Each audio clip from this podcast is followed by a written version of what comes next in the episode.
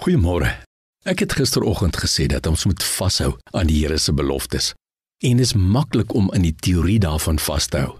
Maar weet jy, daar's baie mense en ek sluit myself daarbey in. Baie mense wat vashou aan die Here se beloftes.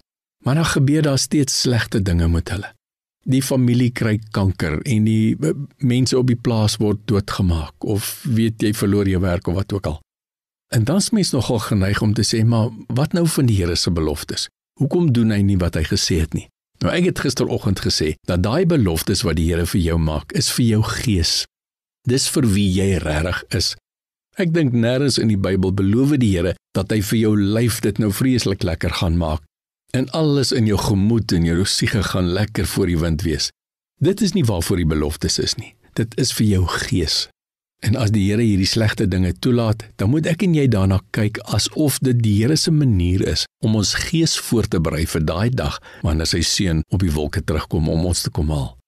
Maar wat 'n raad kan ek jou vanoggend gee? Wat nou nie net 'n klomp teorie is nie. Ek sien 'n prentjie van die klomp Israeliete. Hulle is nou uit Egipte land uit, hulle is deur die see, 40 jaar in die woestyn, al in die ronde, al in die ronde, en nou staan hulle voor die Jordaanrivier. Nou die Jordaanrivier is letterlik net 30-40 meter wyd. So hulle kan letterlik 'n klip gooi amper tot in die beloofde land. Maar tussen hulle en die beloofde land, met ander woorde tussen my en jou en ons vredevolle, vreugdevolle toekoms, is daar 'n siedende watermassa in die Jordaan wat in vloed is. En wat sê die Here? Stap. Vooraan staan die klompie priesters met die met die ark en agter hulle 'n paar miljoen Jode. En nou moet hulle deur die rivier. En die Here sê stap. Maar Here, wat van die vloedwater? Die Here sê stap.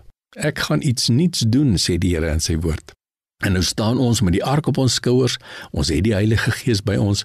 Ons sien die beloofde land. Ons wag nou dat die Here die water kan oopmaak. En dan bid ons en ons bid en ons bid en ons sê Here, help ons, maak vir ons die water oop simbolies. En ons wag en ons kla dat die Here dit nie doen nie.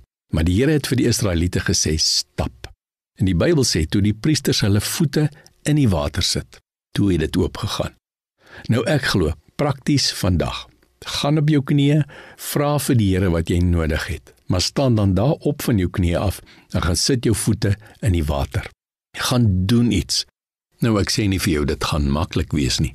Maar ek kan vandag vir jou sê, die Here beloof jou, hy's elke tree van die pad saam met jou. Hy is die ark op jou skouers.